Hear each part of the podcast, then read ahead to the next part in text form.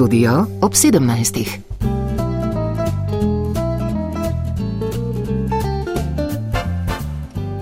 Lepo pozdravljeni. Na bivanskem področju Slovenci že desetletja žagamo vejo, na kateri sedimo. Gospodinstv je vedno več, stanovanj pa vedno manj. Stanovanski fond v državi se stara, cene zemljišč za gradnjo v urbanih središčih so takšne, kot bi bili pod njimi rudniki zlata.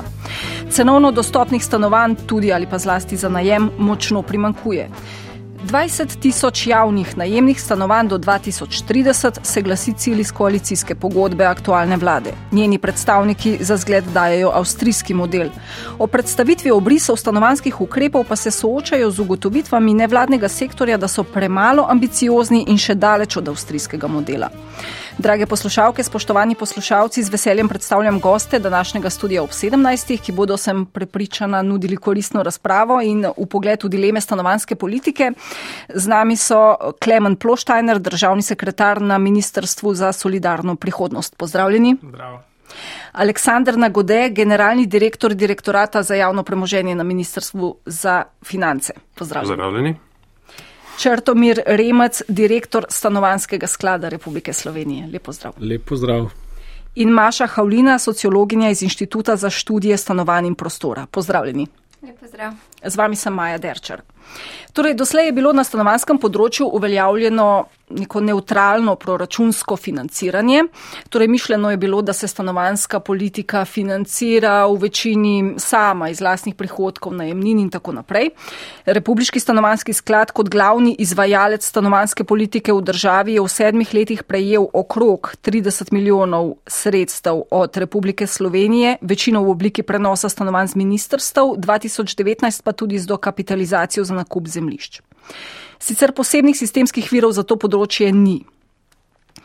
Gospod Ploštajner in gospod Remac, ali lahko rečemo, če bi se takšna politika nadaljevala, da po letu 2025 bi se ta gradna javnih najemnih stanovanj ustavila? Gospod Ploštajner.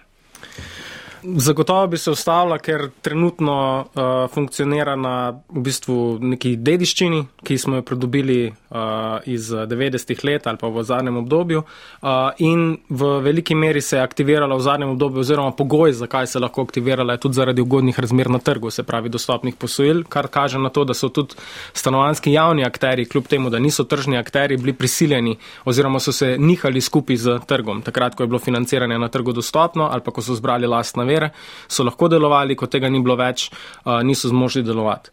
In v trenutnih razmerah je približno leto 25 leto, ko se bo ta javni zagon, ki se je v zadnjih petih do sedmih letih, predvsem po zaslugi stanovanskega sklada odvijal, ustavu. Bi pa tukaj mogoče podaril še sam to, da v bistvu se že zdaj kaže zelo jasne blokade zaradi pomankanja javnega financiranja.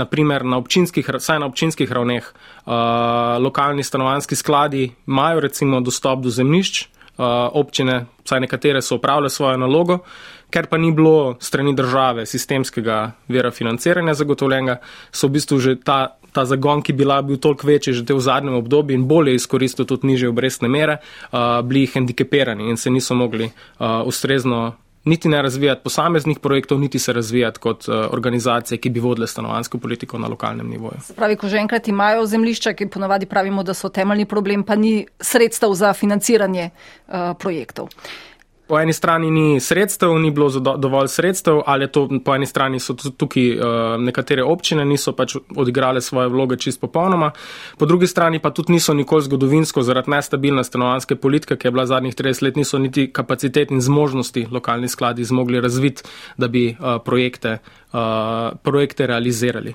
Zato v tej vladi tako močno poudarjamo, ne sem pač ustrezen vir financiranja, ampak tudi neko sistematično, jasno in predvidljivo politiko, ki bo pač omogočala lokalnim ravnem, da se bodo tudi odzivale in predvidljivo vodile stanovansko politiko. Gospod Remec, do leta 25-26 imate gotovo veliko stvari v načrtu, kaj pa bi se zgodilo po tem letu? Mi načeloma imamo projekte do leta 26. V tem trenutku je približno 2000 stanovanj v gradni oziroma pripravi. Eh, samo za polovico imamo zagotovljene finančne vire. Eh, te finančne viri so lasna sredstva in pa dužniška, se pravi krediti, ki smo jih najemali v zadnjih, v zadnjih letih. Treba še povedati tudi mestnim skladom in pa občinam smo v teh zadnjih letih nudili približno 50 milijonov za sofinanciranje in iz tega je bilo zgrajenih približno tisoč stanovanj v raznih oblikah.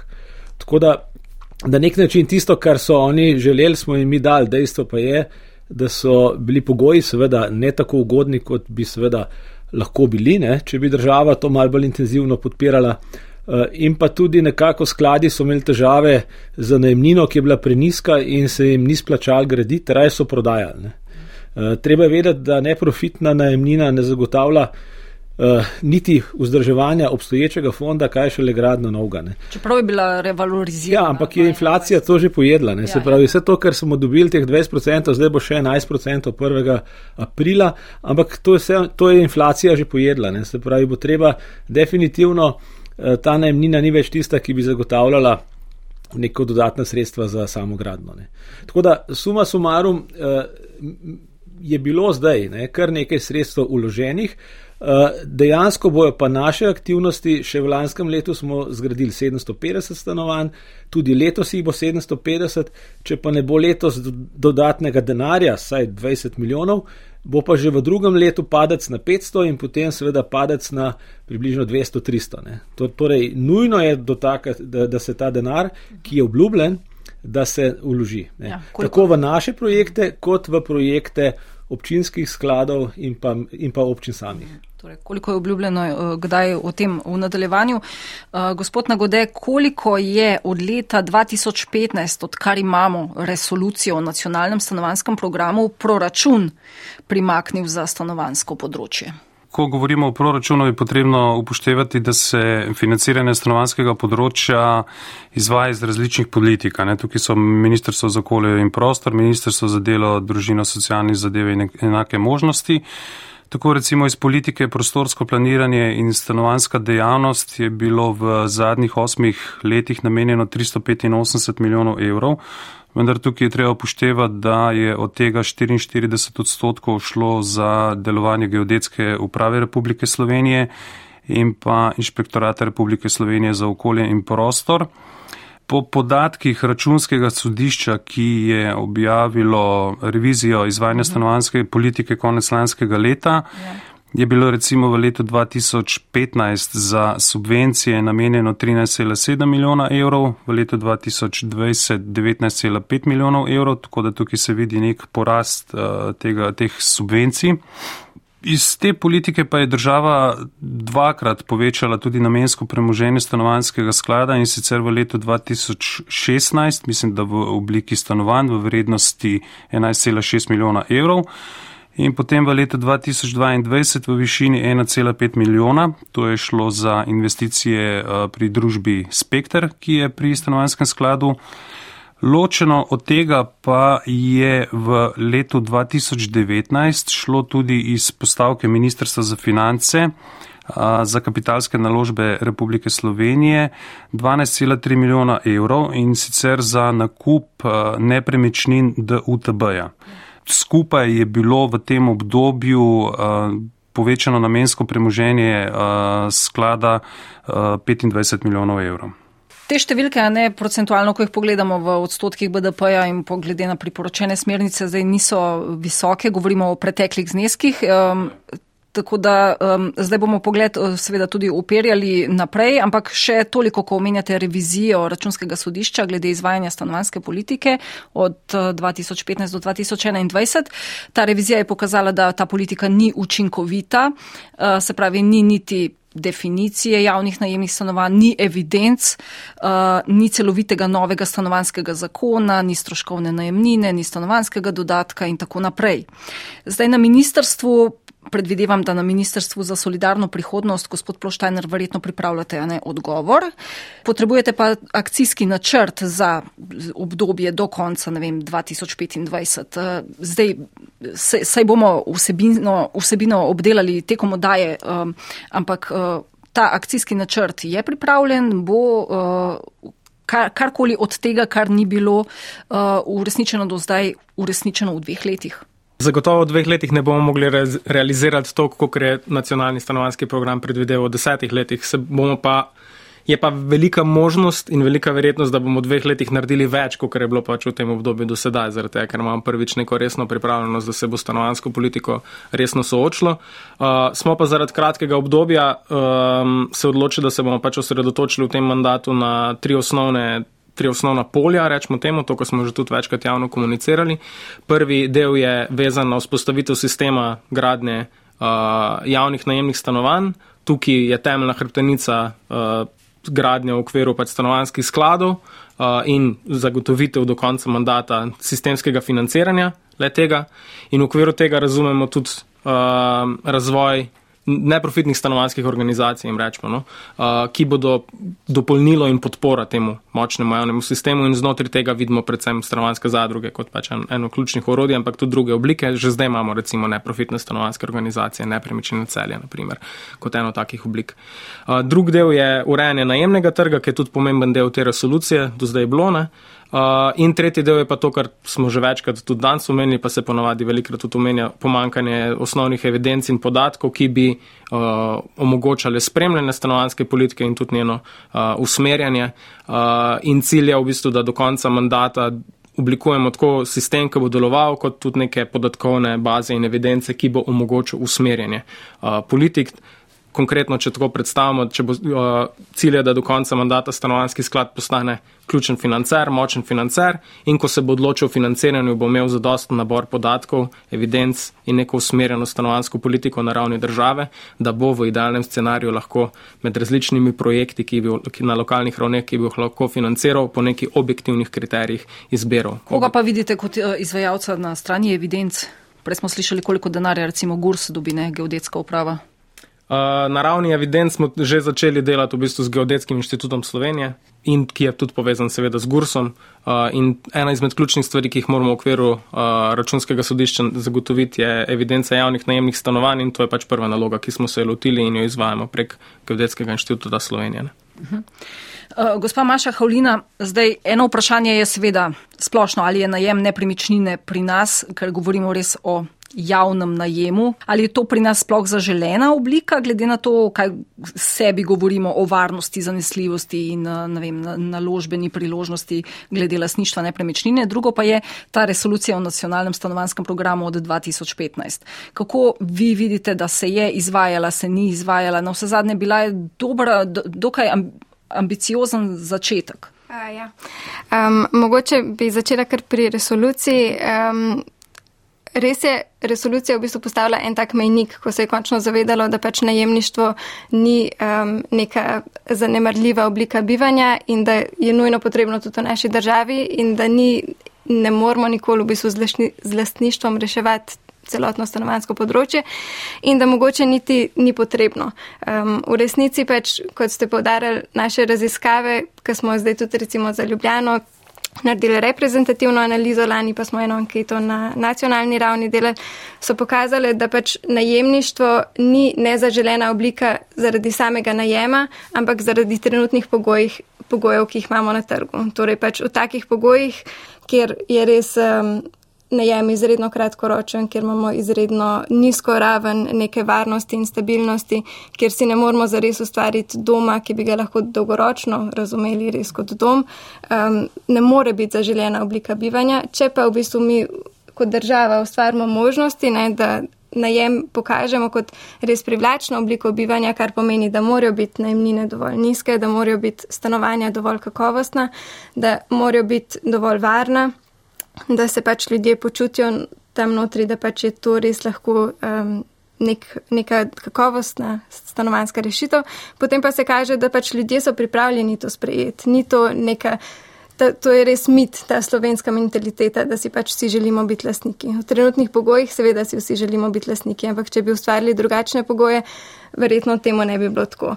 Um, in tukaj bi mogoče še podarila čisto, da uh, v okvirim ali pa če se še mal vrnem k resoluciji. Um, pri resoluciji je res tukaj treba pohvaliti pač delo stanovanskega sklada, ki je v bistvu bil pač in tudi nekaterih drugih stanovanskih skladov glavni pač nosilci kakršnih koli sprememb na tem področju. Um, v, lan, mislim, v prejšnji vladi se je potem na hitro zgodile neke spremembe, ki sledijo Relacija, resoluciji, ja. ampak pač to ni nek baš premik na stanovanskem področju. Bi pa tukaj mogoče vsem tudi izkoristila priložnost, da mogoče se vsem tudi premisli, kaj vse nam resolucija narekuje in če potem, ko je zdaj že minilo tok časa, a velja mogoče ponovno premisliti neke te stvari, ki so zapisane v resoluciji. Kaj bi lahko... recimo sami obdržali, kaj bi pa spremenili? Ne vem, jaz bi um, ponovno premislila res, kakšna naj, če govorimo o stroškovni najmnini, kakšna naj bo ta stroškovna najmnina in krati pa sem tok, da v okviri mogoče še ta um, pogovor, malo kar danes predvsem o financah govorimo, da se mi zdi, da če se zgledujemo po Dunaju, kar zdaj pravimo, da se zgledujemo po Dunaju, um, da velja slediti tudi o tem, da Dunaj res v osnovi postavlja stanovanje kot osnovno človekovo pravico in tudi temu sledi v bistvu to, da stanovansko politiko razume kot neko osnovno razvojno politiko in vsa sredstva, ki nameni stanovanski politiki, so razumljena kot investicija. In za to investicijo so pa že tudi oni dokazali, da se jim večkrat povrne v proračun. Torej, dajmo premakniti to, da je to, to nek strošek države, ki ga moramo čim bolj zmanjšati, uh, ampak dajmo res to razumeti kot neko osnovno razvojno investicijsko politiko, ki jo nujno rabimo. Samo do zagona je treba priti. Uh, zdaj pri zagonu je recimo so pomembna zemlišča, denar, sredstva, posojila, proračunska sredstva. Zdaj, verjetno najbolj konkretna pomoč države Republiškemu skladu je bila, ko ste omenjali gospod Nagode, dokapitalizacija sklada 2019 v višini, sami ste rekli, 12,3 milijona evra, evrov za nakup zemlišč od DUTB. Daleč najdražje zemlišče je bilo Glince v podutiku. Um, prej gospod uh, Remec iz stanovanskega sklada, kakšna je zdaj usoda teh zemlišč, ki ste jih kupili od DUTB? Ja, uh, različne. Vsako ima svojo zgodbo. Ampak se financira projekt Bo. V novem, v novem mestu smo zemljišče, en del zemljišča za mestno občino, novo mesto smo zamenjali za uh, zemljišče, kjer, kjer zdaj že gradimo tri bloke. Hmm.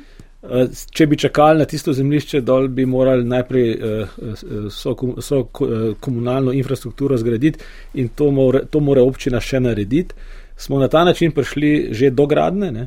tako da novo mesto lahko odkljukamo, je pozitiven rezultat. V Gorici imamo problem z odvodnjavanjem in nekako nismo prišli do spremembe OPPN-ja, tam bo verjetno z uh, novim vodstvom občine se zna še marsikaj spremeniti, tako da tam bo neka nova zgodba, sigurno v Gorici. Ker se pa Ljubljane tiče, smo pa ta prvi del že projektiramo v leseni gradni prvih 60 stanovanj v podutiku. Uh, ta drugi del je pa vezan na, spet na komunalno infrastrukturo in pa mesto. Zdaj upam, da bomo saj še eh, naslednjo fazo lahko spravili brez nove ceste, ker nova cesta verjetno bo par let še trajala, preden bo zgrajena. Uh mhm. eh, -huh. Je pa pogoj za gradno. Tako da, tako da posod, je, posod se nekje zatika, to, to je dokaz, ne, da od zemljišč, da prideš do same gradne, je treba ogromno postoriti. Ne, zato veste, da sem jaz bil tudi zadržan dokumentarjev takrat o prenosu teh zemljišč slabe banke, eh, ker vem, koliko je treba dela, da prideš sploh do začetka gradne. Ne. Eh, da, no, pa že lesena gradna, ne? niso čisto tipizirane uh, enote. Ja, mi smo želeli uh, tudi, seveda, ker mi smo le tisti, tisti spiritus moments v tej državi, ki prvič praktično gradimo vse v A-energetskem raz, raz, razredu, eh, drugo je pa, da smo leseno gradno želeli upeljati eh, kot neko resno alternativo klasični gradni, predvsem zato, da na nek način tudi preprečimo situacijo s pomankanjem gradbincev. Ne. Se pravi, to je le druga struktura izvajalcev, ne, se pravi, više kvalificirana delovna sila, manj delavcev, bolj uh, usposobljeni delavci. Kaj pa stroškovna učinkovitost? Stroškovna je nekoliko dražja, ampak je pa hitreje in spet lahko s tem kombiniramo. In eh, mi iščemo v te leseni gradni alternativo, ki bo omogočila, da bomo pospešili tudi, seveda, kapacitete gradbene, ne, ker se marsikje izpostavlja, da se ne boste mogli toliko velik zgraditi. Ne. E, se pravi, mi razmišljamo ne samo, da poenostavljamo tlorise, da jih optimiziramo, da tipiziramo projekte, da jih prefabriciramo v največji možni meri s kopalnicami, ki so že gotove, z stopnišči, z balkoni in tako naprej, s čimer dosežemo cenovno optimizacijo. Eh, in eh, to smo ravno v Mariboru, s to sosedsko pod Pekarsko gorco, smo prišli na ceno povprečno 1600 evrov kvadratni meter, kar je danes, glede na te cene, ki so na trgu, zelo, zelo ugodno. Uh -huh. In je praktično najemnina iz te stroškovna praktično se bo srečala z neprofitno. Ne. Se pravi, mi smo dejansko dosegli točno tisto, kar je bil cilj. Ne. Seveda je pa za to treba veliko znanja, veliko izkušenj, ki jih seveda imamo in jih eh, mislim, da s tem dokazujemo, da je sklad tisti, ki to zna narediti. Ne. Eh, seveda je pa fajn, da bi še kdo drug znal ne, in da bi bilo več takih. Ne. In to je tisto, kar je zdaj tudi, mislim, da temeljni cilj ne, novega ministrstva, da bo sposobil takih izvajalcev čim več. Uh, kar bo pa trajalo, to bo trajalo nekaj let, sigurno. Ne. Ampak ostajamo še pri zemljiščih povezanih z ugaslo DUTB slabo banko. Nekaj zemljišč je DUTB večino unovčila, nekaj jih je prenesla potem na slovenski državni holding kot na naslednika. To je povzročilo nekaj nevolje, razočaran, ker je v koalicijski pogodbi bilo vendarle napisano, da bo ta zemljišča, potem ko DUTB ne bo več dobil stanovanski republiški sklad. Uh, gospod Nagode, z Ministrstva za finance boste vi razložili, zakaj to ni šlo. Uh, in pa zanima me, ali je zdaj pač dokončno, da je sklad ne bo razvijal uh, projektov na teh zemliščih, pač bo to delal SDH, iz katerega so nam sicer odgovorili, da še ne morejo podati odgovora, ali bo projekte razvijal DSU, še ena državna institucija za uh, nepremičninske projekte, ampak so pa že stekle aktivnosti prenosa teh zemlišč na DSU. Se pravi, nekdo drug, nek drug državni akter bo razvijal projekte ali gre za podobne projekte, kot jih bomo videli pri uh, občinskih in pri republiškem skladu, gre za javno najemna stanovanja, kako naj si to predstavljamo. Je tako, kot ste povedali. To je bilo nekako dogovorjeno tudi na vrhu koalicije na Brdo pri Kranju. Takrat je bila predstavljena ta stanovanska politika in ta stanovanska politika se dopolnjuje tudi z stanovanskim skladom, se pravi z temi nepremičninami, ki so ostale od DUTB, da bi SDH eh, tudi v bistvu vključil lahko tudi nepremičnine drugih državnih družb, ki jih upravlja in na podoben način kot stanovanski sklad začel tudi zagradnjo teh uh, javnih najemnih stanovanj. Glede samega prenosa nepremičnin, to, kar ste omenili, da je zapisano v koalicijski pogodbi, se pravi, da bi prišla na stanovanski sklad, je bila pa ena ovira in sicer zakon o ukrepih Republike Slovenije za krepitev stabilnosti bank, ki je v 36. členu določal, da po prenehanju DUTB vse njegovo premoženje ter pravice in obveznosti, da se prenesejo na SDH. Tako da vlada na tej podzakonski podlagi ni mogla z podzakonskim aktom, torej z uredbo o pravnem nasledstvu DUTB-ja, urediti tega na drugačen način. Tako da na SDH so prešle uh, triatve, nekatere naložbe in tudi nepremičnine. Teh nepremičnin je še nekje za 100 milijonov evrov.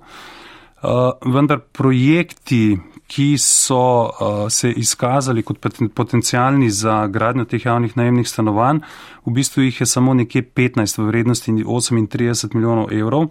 Se pravi, DUTB ima zelo veliko teh, mislim, DUTB je imel veliko nepremičnin, ampak zelo razdrobljenih in neprimernih za, za gradnjo javnih najemnih stanovanj. Tako da. Dobro, če je 15 recimo zemljišč, za koliko stanovanj Zdaj, to, kar sem že tudi v bistvu na začetku povedal, ne, SDH, uh, eh, to je treba povedati, da vlada Republike Slovenije v tem mesecu sprejela oziroma podala soglasje tudi k letnemu načrtu upravljanja naložb, ki prej se je imenoval upravljanje kapitalskih naložb, ne, se pravi zdaj z prenosom teh, tega premoženja DUTB na SDH govorimo tudi o uh, nepremičninah in patrijatvah, tako da tudi letni načrt upravljanja to vključuje. In notri je tudi v bistvu zapisano na ta način, da je tukaj odprta pot uh, za gradnjo javnih najemnih stanovanj. SDH vem, da uh, intenzivno uh, dela na tem projektu, nekje rezultate bo lahko imel v roku enega meseca, ampak identificirane uh, nepremičnine, ko sem omenil nekje 15 teh nepremičnin, ki so tako v Ljubljani, Mariboru, Rušah, Novi Gorici, Bohinju, Šenčurju, Tržiču, Na teh nepremičninah bi se lahko zgradilo do 2500 stanovanj in sicer do leta 2029. Prvih 123 stanovanj pa bi lahko bilo dobavljeno v letu 2026. Hm, to so kar nekaj novih podatkov. Omenjali ste en mesec, a v enem mesecu bo to podrobno predstavljeno strani SDH, bomo dobili te. Mm, ne, zdaj ne vem, če bo to predstavljeno, ampak uh, SDH to pripravlja intenzivno, tako da tudi sodeluje v tem razvoju uh, stanovanske politike v Republiki Sloveniji iz tega poslanstva nepremičnin, ki jih je dobil od DUTB-ja. Uh, ampak to vse v bistvu s ciljem, uh, da se ne ustvarja nek donos, ampak da gre za javna najemna stanovanja. In, Pravi, gre po dunajskem modelu low profit. Gre, gre, gre. Seveda, gre. seveda tudi uh on, samo zato pač uh, Ministrstvo za solidarno prihodnost bo, mogel, bo moglo, moralo vzpostaviti še ustrezne zakonske pod, podlage za te organizacije, tako da tudi uh, SDH oziroma družba v njegovem portfelju, ki bo to izvajala, omenila ste DSU. DSU se uh, od teh družb najbolj nekako spozna uh, na uh, stanovansko oziroma na gradnjo na splošno, ne stanovansko. Tako da lahko bi tudi DSU bil ta primer, vendar to bo določil pač uh, SDH. Ne? Mhm. Ja, gospa Havlina, ste želeli. Ja, um, mogoče sem sam hotela izpostaviti, okay, eno je vprašanje, zakaj zdaj 15, medtem ko so skladi po naših informacijah identificirali 25 primernih zemljišč za razvoj stanovanjske gradnje. Ampak predvsem pa me zanima, v resnici jaz verjamem, da vlada, ko je sestavljala koalicijsko pogodbo, je dajala stvari noter, za katere ve, da jih lahko izvede. Zdaj, to, da se je treba spremeniti zakon, je bilo zelo hitro jasno. Jaz verjamem, da je ta vlada sposobna spremembe zakona in ne razumem točno, zakaj je tukaj bila ta motivacija, da se to prenese na um, DSU posredno. Ja. In pa v resnici so to edina nepovratna sredstva, ki jih lahko uh, trenutno za stanovansko gradnjo pričakujejo katerikoli ponudnik bodočih stanovanj. Sicer bodo nepovratna proračunska sredstva, ampak za stanovanske sklade bodo ta sredstva povratna, ko bodo razvijali projekte, kot lahko razumemo. Tukaj je mogoče še ena side note, eh, opomba pod črto, da v resnici je to velik problem, da v javnosti zelo težko sestavljamo informacije, kaj zares se tukaj dogaja na stanovanskem področju, kakšni so načrti. Sestavlja se nov model stanovanske politike, ampak v resnici ni nobene javne razprave okrog tega. Ne vemo, kaj bo vključeval akcijski načrt do leta 2025, ne vemo, kaj se dela na DSU. To je v osnovi javno pomembno družbeno vprašanje, ki bi ga mogli skupaj naslavljati in razpravljati o njem in iskati nek družbeni konsens, tako kot na vseh ostalih področjih, kjer se odvija nek socialni dialog, se mi zdi, da je to nujno odpreti tudi na tem področju. Ampak, če se vrnem še. Malo na DOTB. Um, Monika Vajs je v zadnjem ledini pisala, da uh, je v osnovi šlo vprašanje tudi za uh, delovna mesta 16 sodelavcev na um, slabi banki. Uh, ki so videli, da na Republikanskem stanovanjskem skladu lahko dobijo dosti nižjo plačo, kot če se prenesejo nepremičnine na slovenski državni holding in da je to morda bil del motivacije. Sicer lahko si mislimo, da je tukaj gotovo še nek drug interes ali pa argumentacija, ampak nič od tega v bistvu pač javnost ni slišala zaenkrat in ne more biti razumljivo in vse se zdi zelo netransparentno. Gospod Nagode, potem ja. pa še gospod Poštajn. Če lahko glede teh zaposlenih, ja. kot sem že prej povedal, uh, SDH je univerzalni pravni naslednik DUTB-ja in je v bistvu prevzel družbo v celoti, na njega je bilo preneseno vse, tudi dolgovi in tudi zaposleni. Tako da zaposleni tukaj ni bilo nobenega vprašanja, kam bodo ti zaposleni šli. Seveda pa, če zaposleni želijo priti na stanovanski sklad uh, po lastni presoji, seveda to tudi lahko naredijo. Glede spremembe ZUKSB-ja, tukaj je treba povedati, da v temu zakonu je jasno pisalo, da DUTB preneha 31.12.2022. Prejšnja vlada je začela neke določene aktivnosti, poročilo je bilo potrebno oddati o prenehanju v državni zbor, kar je bila potem podlaga za sprejem uredbe. Vendar ta postopek zaradi splošnih volitev ni bil dokončan, v poletju, v času poletja se je začel ta proces tudi odvijati, se pravi, potrebno je bilo vzpostaviti vse pravne podlage, vse dokumentacijo, zaključna poročila, vse s ciljem, da se ta postopek zaključi, se pravi ukinitve DUTB do 31.12.2022. Tako da, če bi, šel, če bi šli v tem času delati spremembo zakona, ja. tega procesa ne bi mogli narediti. Poleg tega. Aha, se pravi, zakon ne bi bil pravočasno sprejet. Seveda, za... ne moreš to uh, po tako hitrem postopku. Zdaj, glede teh zemlišč, v letu 2019, ko so bila ta tri zemlišča odplačno prenesena na stanovanski sklad, je bila možnost, ne vem, stanovanskega sklada, Ministrstva za okolje in prostor, da izberejo še druga zemlišča.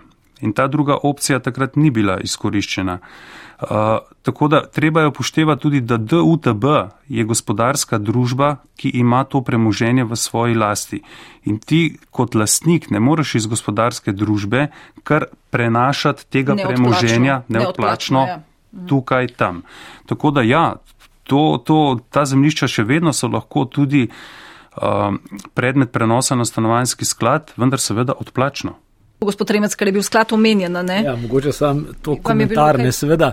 Te zaposlenih nam ne bi mogli prideti, ker mi nam pač že četrta vlada ni omogočila zaposlitev. Ne. Mi imamo že, bi smo dobili v, v sedmih letih dve dodatne zaposlitve.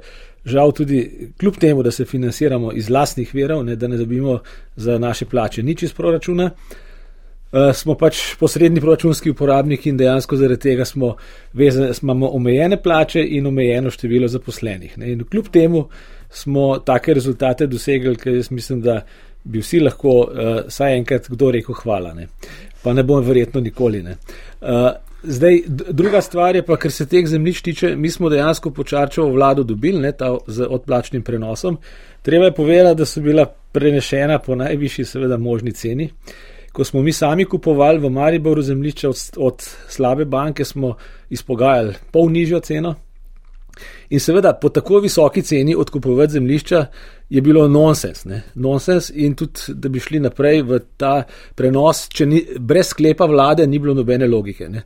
Seveda pa vlade niso želele, zelo pol naslednja vlada niti ni želela več tega prevzeti in je logično, da pač to ni bilo prenešeno. Ne?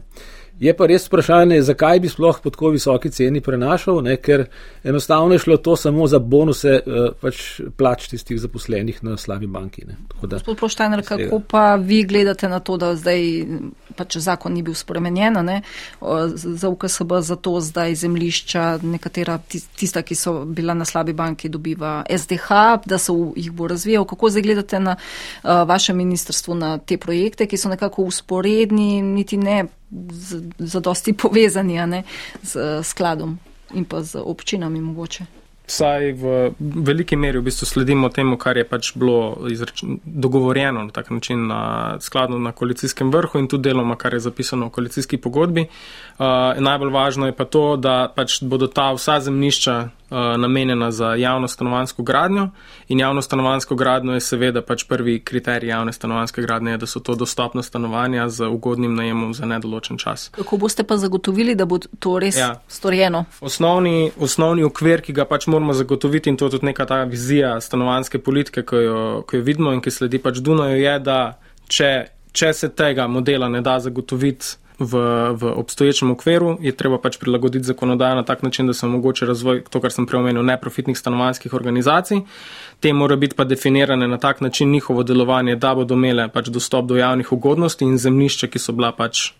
Ta zemljišča mi deloma vidimo kot pač te del javnih ugodnosti, in drugič, da bodo delovala na enak uh, način, kot delujejo pač, uh, v okviru javnega sektorja, se pravi z, z dostopno najemnino za nedoločen čas in bodo imeli tudi podobne pogoje uh, delovanja. A ne s tem, kar smo prej slišali, da je približno 100 milijonov um, vrednosti se je zdaj preneslo na DSU, pardon, ne s tem postavimo neko a priori ful privilegirano pozicijo napram ostalim neprofitnim stanovanskim organizacijam in kak, na kak način se misli potem to regulirati in tudi konc koncev napram stanovanskim skladom. Ne. Razen, če govorimo, bodo primorane delovati po zakonu o neprofitnih stanovanskih seveda, organizacijah. Seveda, ampak to je, še vedno bodo se one borile za ista sredstva in, ali pa, mislim, sredstva bodo verjetno imela, pa semnišče bodo verjetno tudi imela na ja, začetku, ja. ampak na dolgo rok se bodo pa verjetno borila za ista zemljišča kot stanovanski skladi in za ista sredstva kot pač stanovanski skladi. Ampak, Ker, če želimo povečati ponudbo, kaj ni vseeno, katera neprofitna organizacija Mislim, odvisno na kak način bo to izvedeno. Če bo to res dobro regulirano, če ne bo um, to predvidevalo, da se s tem v bistvu um, vključuje neke finančne sklade, ki pričakujejo više. Uh, Razumem. povratke, ja, kot pa recimo to, se, so to zdaj v bistvu imeli tako. dosta ugodna posojila na stanovanskem skladu. Um, če bo to se potem prelevilo v više subvencije najemnin, kar je zelo verjetno, uh, pomeni, da pač bo državni proračun dost bolj obremenjen, kot če bi pač uh, to preprosto delali. Ja, razumem vaš pomislek. Gospod Nagodej ima morda odgovor. Ja, ta skrb je odveč. Kot sem že prej tudi omenil, ne, vsa ta zemlišča, ki so bila prenesena iz DUTB na SDH, sem identificiral nekje 15, ki bi, bili, ki bi bila sploh potencijalno uh, primerna za stanovansko gradnjo. Vsa ostala zemlišča, torej nekje čez 60 milijonov evrov od vsega tega, niso primerna zemlišča za stanovansko gradnjo. Tukaj je treba upoštevati, da iz terjatev bank so ostale tudi potem uh, zemljišča v drugih državah, ne samo v Republiki Sloveniji. Uh, tako da tukaj ni nobene skrbi. Potem tudi glede uh, tega financiranja, ki ste omenila, da bi bil državni proračun bolj obremenjen. S tem modelom SDH-ja se dejansko uresničuje tudi druga navedba iz koalicijske pogodbe, torej da se v bistvu oblikujejo drugi modeli financiranja. Okay. In tukaj bi bilo v bistvu naša ideja, da se financira izgradnja teh javnih najemnih stanovanj tudi z aktivacijo zasebnega kapitala, torej v obliki uh, tudi obveznic, uh, skladov in tako naprej. Tako da tukaj bi šli čisto bolj v proračunsko neutralno uh, uh, operacijo. Ravno to nas skrbi, ne? ker ti skladi predvidevajo potem, da so obrestne mere ponavadi više kar pomeni, da se to prevede direktno v više najemnine. In to pomeni, da rabiš več subvencij. Razen, če bo to res regulirano, najemnine. Bodo. Mislim, po formuli. Ampak še vedno. Vas skrbi, kakšna bo ta formula? To ste že na začetku povedali. Ne. Ja.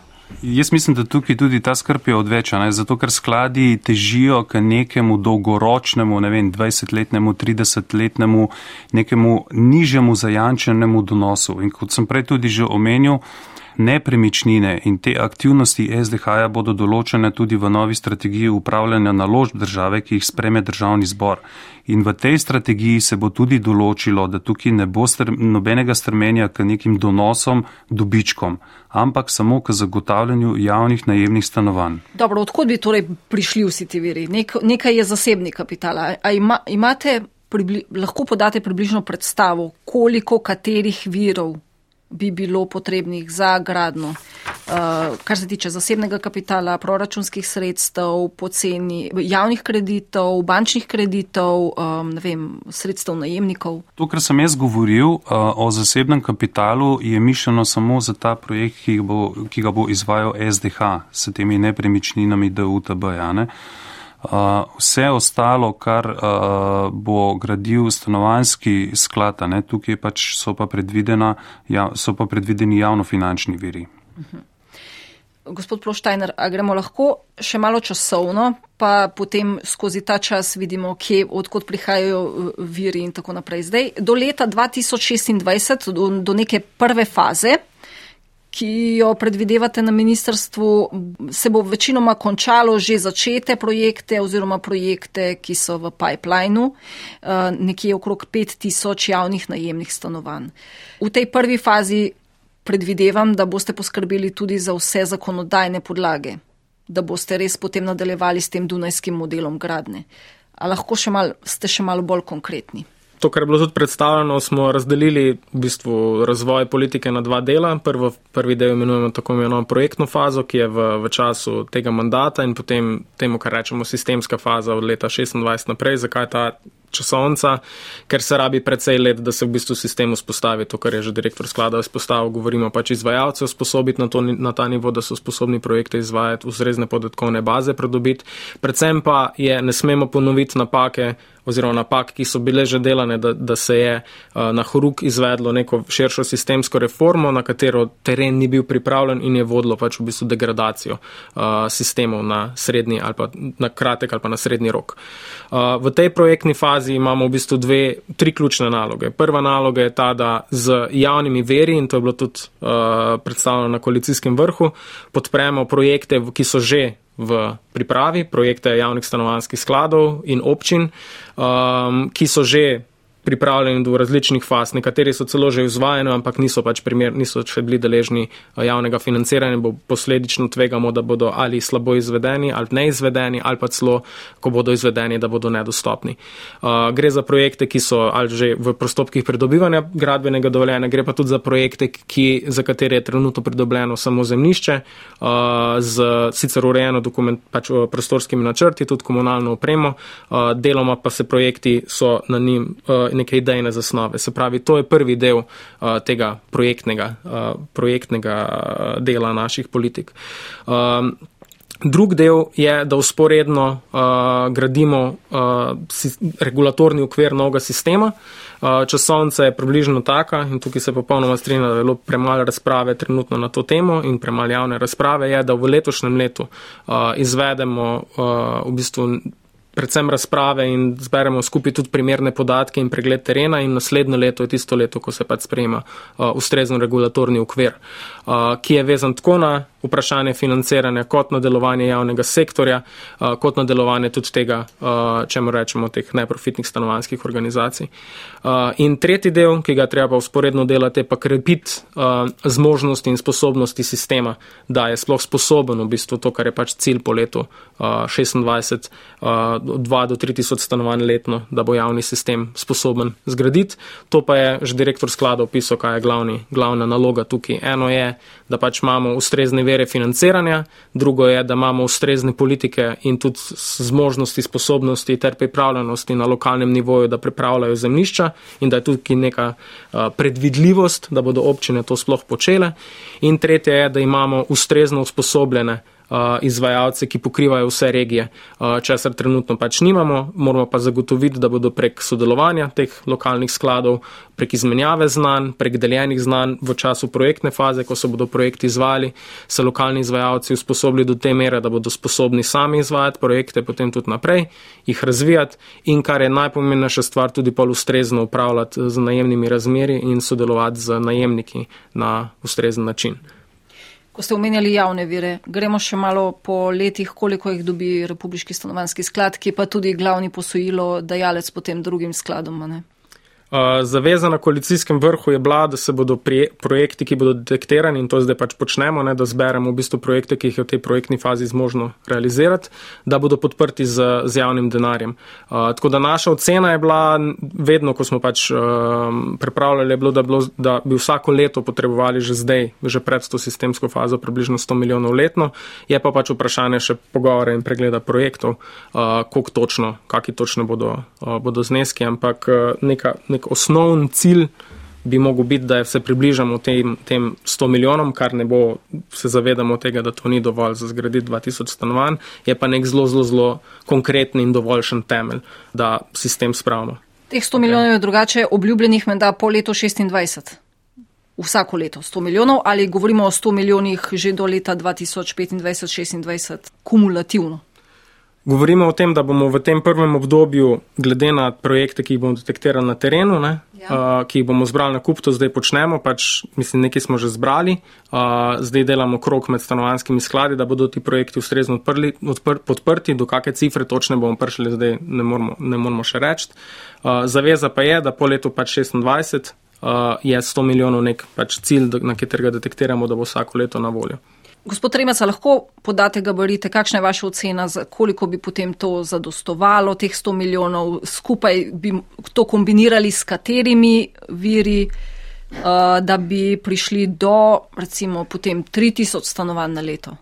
Ja, eh, to je zelo eh, rekel, težko vprašanje. Namreč, A da bi bil donos potem tak, kot bo donos pri tistih, ki bodo se ugradili. Jaz raje govorim o tem, kar je, kar je danes na mizi in kar je treba narediti, ne? ker eh, mi smo dobili od računskega sodišča zelo jasne, eh, to se pravi, eh, ukrepe, ki jih je treba sprejeti in to takoj. Ne?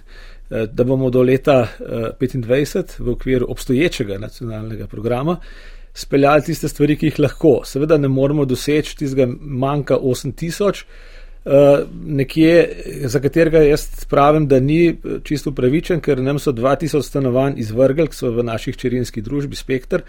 Se pravi, je ta manjko 6000, ampak dejansko 5000 je pa konkreten cilj, ki se ga je ta vlada zadala, da bo, da bo izvedla do konca mandata mi smo nekje obljubili 3000, ne, 1000 ljubljanski sklad, pa 1000 vsi ostali skladi, ne, se pravi mestni in pa občine. Uh, jaz bi si upal reči, da je približno polovica teh 5000 je finančno podprtih, polovica je v zraku. Ne. To zdaj treba 2500 stanovanj v tem mandatu vlade sfinansirati in če zdaj pogledamo, da je povprečno stanovanje, ki smo ga mi gradili, 135 tisoč evrov, sicer zdaj nekateri postavljajo že više številke. Uh, jaz še vedno ustrajam, da je treba za tako številko graditi, ne, kot smo mi uspeli. Uh, se pravi 135, 2500, to lahko zmnožite uh, in vidite, koliko je treba denarja. En del se da seveda zadolžiti, ne. mi imamo še vedno 100 milijonov, imamo možnost zadolžitve, ob tem, da dobimo seveda drugo polovico Eh, iz proračuna, ker sicer tudi ta zadolžitev ni možna več. Je, je, sredo, polovica mora biti lastnih sredstev, sredstev ja, ja, ja. polovico pa je možna zadolžitev. Ja. Torej, če bi vse to dal, ne se pravi, bi mogli kakorkoli v teh, v teh preostankih mandata 250 milijonov vlada dobiti. Ne. Ali štarta s 25, ne vem, skot bo štartala. Do konca, rekel, v zadnjem letu mandata bi mogla prijeti na 100 milijonov. Če ne, je to neurešničljivo. Za naprej, ker sprašujete, 3000 letno, Z tega vidika sem pa jaz dejansko vesel, da je še en izvajalec, resen izvajalec preko SDH-ja DSU, ki bo nekako prevzel v naslednjem obdobju, ne se pravi od 26 naprej, 1000 stanovanj letno, ker sicer je cilj 3000 neuresničljiv. Če bo DSU 1000, pa mi 1000, pa recimo, da ostali občinski skladi in pa občine še 1000, potem je dejansko to neka številka, ki je realna. Eh, seveda pa to je 100 milijonov, ni mogoče narediti ne, letno. Ne. Ja. No, Ampak ja. jaz si predstavljam teh 100 milijonov kot semenski kapital, na katerega se bodo dodatne, še dodatne oblike financiranja do, eh, prileple. Ne. Namreč eh, mi govorimo o sistemskem veru. Sistemski ver je samo davčni ver. Proračunski ver ni sistemski, ker naslednja vlada to ukine in je konec. Ne. Torej, eh, sistemski ver edini je v Avstriji, če se z Dunajem primerjam, davek na plače to vemo, da ga mi praktično ni variante, da ga upeljamo, ker bo večinsko mnenje proti. Ne? Se pravi, to je nekaj, kar smo imeli v Jugoslaviji, zdaj tega ni več in verjetno nikoli ne bo več. Potem ostane samo še davek na, na nepremičnine ali pa na premoženje, ampak na nepremičnine je bolj realen, to pa bo prihodek občin. Zato jaz absolutno podpiram, da se morajo aktivnosti prenesti na lokalno raven, na občine. Ne? Ker občine bodo dobile denar iz davka na nepremičnine in iz tega davka bodo morale zagotavljati zemlišča in pa komunalno opremljeno zemlišče. Ko bodo zemlišča komunalno opremljena, verjamem, da bo bistveno manjši problem tako za privatno gradno, kot za javno gradno, da se bo teh projektov lotila. Tako da jaz mislim, da to so te temeljne stvari, ki jih je treba v tem času izvesti. Eno je ukrepi, za obstoječi program, in drugo je naslednji 25 do 35, za katerega je postavljena vizija 3000 stanovanj letno. To je smatram, da je to vizija, za to vizijo je treba sprejeti strategijo in pa akcijski načrt. No, ampak, ko poslušamo te finančne konstrukcije na eni strani ne uh, občinskih skladov, pa republiškega sklada, to vse, kar ste omenili, posojila, nepovratna sredstva, upajmo, da financirano s kakšnim davkom, da bo to res sistemski vir. Na drugi strani, ko pravi gospod z finančnega ministrstva, da m, mm, zemlišča SDH bodo razvijali uh, tudi pač, uh, zasebni uh, skladi. Vse to bo pokrival sicer nek zakon, ampak zanima me, kakšna bo logika, finančna logika in pa donosi, da bodo mogoče vem, med sabo primerljivi, zato ker se bo to odražalo v najemninah, na kar je prej sicer opozorila gospa Havlina. Sam se sprašujemo tukaj, um, kaj je ta motivacija za tem oziroma um, kako zagotoviti, da bo to res transparentno. Ker pač stanovanski sklad je podvržen računskemu sodišču, ima jasno, njegove naloge so zelo jasno definirane, mora tukaj v bistvu pač naslavljati stanovanski problem, medtem ko uh, recimo družbe, kot so Slovenski državni holding in DSU, imajo čist drugo poslanstvo, ki je poslovno, ki je usmerjeno v oplajanje kapitala in tukaj se pač postavlja osnovno vprašanje, zakaj sploh gremo v to, če ni tukaj to osnovno, osnovno poslanstvo, da pač je tukaj interes, da pač nekdo od tega nekaj zasluži. In zdaj seveda pač to bo zelo odvisno, na kak način točno bo izpeljano, ampak na kar sem prej probala opozoriti, je, da pač obresti od financiranja kreditov se pač lahko zamaskirajo v stroške in torej to lahko pade v, ne, v pač stroškovno najemnino, ne vemo točno, kako bo definirana. In to lahko se potem prelevi v pač vse večje potrebe po subvencijah, kot smo jih v zadnjih nekaj letih že videli. Um, in tukaj mislim, da je tudi vprašanje sploh se postavlja, a ne bi tukaj res takoj začeli razmišljati o tem, kakšne vire rabimo, um, a je tukaj res na mestu samo. A bomo s temi ja, 100 milijoni povratnih sredstev za stanovanske sklade uspeli zagotoviti to, kar želimo? Ker kot je tudi gospod Remco omenil, pač 100 milijonov ne zadostuje za 3000 stanovanj. 100 milijonov zadostuje za koliko 700 ste omenili enkrat. Približno ja, 740. Tretjino, ja, kakorkoli. Ja. In um, ostali viri bodo mogli priti od nekje druge. In torej mi ne moramo kot država zagotoviti, da bodo te viri dovolj ugodni, da bomo dosegali tiste zastavljene najmnine, o katerih se govori. Govori se o 7,5, ki je kot Dunajski model, ja. koliko Dunaj dosega, pri čemer vemo pa, da imamo mi bistveno niže standarde. Torej, če bi se hoteli primerjati z Dunajem, bi si mogli tudi proporcionalno nižjo najemnino zastaviti. So pa stroški gradnje takšni, verjetno, da to ne dopuščajo. Sicer stroškovna najemnina zdaj res presega okvir te oddaje, ker se bližamo koncu. Uh, ampak, uh, gospod Proštajner, 100 milijonov, ki bi uh, jih proračun namenil uh, skladu, skladom, uh, je to mišljeno kot uh, povratni denar? To je mišljeno kot javno sredstvo, ki se uh, namenijo za gradnjo, za, za izvajalca, mislim, v tem primeru, če bi pač stanovanski sklad odigral pol vlogo financera, bi to bilo pač denar, ki bi iz proračuna ali pa iz drugih javnih verov se stekel na stanovanski sklad, ta del ne bi bil povraten. Kasneje, ta bi pa, kako bi se to. Um, um, vrnilo. Ne? ne, kako bi se to v bistvu dalo, namenilo konkretno za gradno, ne, bi pa verjetno v konkretnem primeru pomenilo, del sredstev bi se namenil za projekte stanovanskega sklada, del sredstev bi pa že v okviru obstoječih programov, ki jih ima stanovanski sklad, bi jih bilo treba sicer prilagoditi, bi se namenili v obliki ja, povratnega vera, ki ga je pa treba tukaj se pa polno strinjam, pa če treba ga ustrezno nastaviti na način, da bo dve funkciji zasledoval in to je, da bo ta povratni uh, posojilni sklad vzdržen na dolgi rok, da se bo ohranjal, seveda z nenehnim dotekanjem javnega denarja, se pravi, da bo stabilen in bo vzdržen, ker trenutna stanovanska politika s svojimi najemninami in tudi načinom delovanja pač ni vzdržna na dolgi rok. To je ena funkcija, ampak druga funkcija, ki jo mora imeti, je pa seveda to, da zagotavlja dostopne najemnine. In to je pač glavna naloga, zakaj smo si tudi toliko malo več časa dali, da to skalibriramo, je, da pač ugotovimo, pač te dve, obe funkciji morata biti zadoščeni. Če ni ena ali druga, potem nismo pač dosegli osnovnega namena, da imamo dolgoročno in stabilno, ter osnovni namen stanovanske politike, kar pa je, da so dostopna stanovanja. Uh, samo na prejšnjo razpravo bi, bi rad samo upozoril, da SDH je tudi podvržen nadzoru računskega sodišča. Ne? Tako da tudi glede tega javnega financiranja, ne, uh, omenjeno je bilo zasebno financiranje obresti in tako naprej. Ja.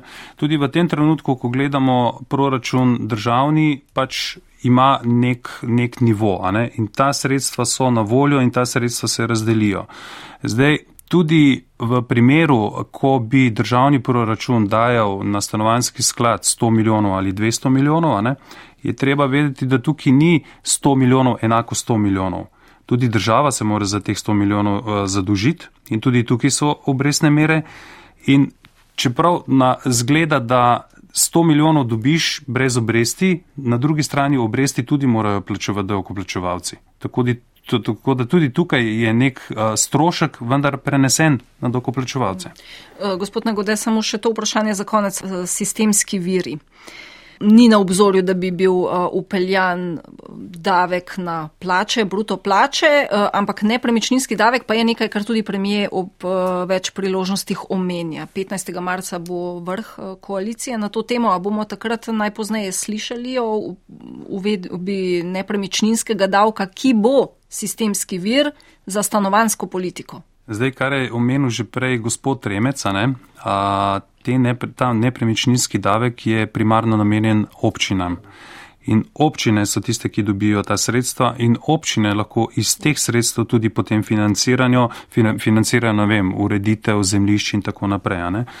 Zdaj, uh, vaš podatek je pravilen, ja, v marcu bo tudi predstavljena ta davčna reforma na koalicijskem vrhu, uh, vendar. Um, nisem ravno davčni strokovnjak in iz tega področja, tako da tudi pustimo čas v čas in naj bo ta uh, tudi predstavljena takrat, ko bo to primerno, kot je pa omenil že gospod Plavštajner.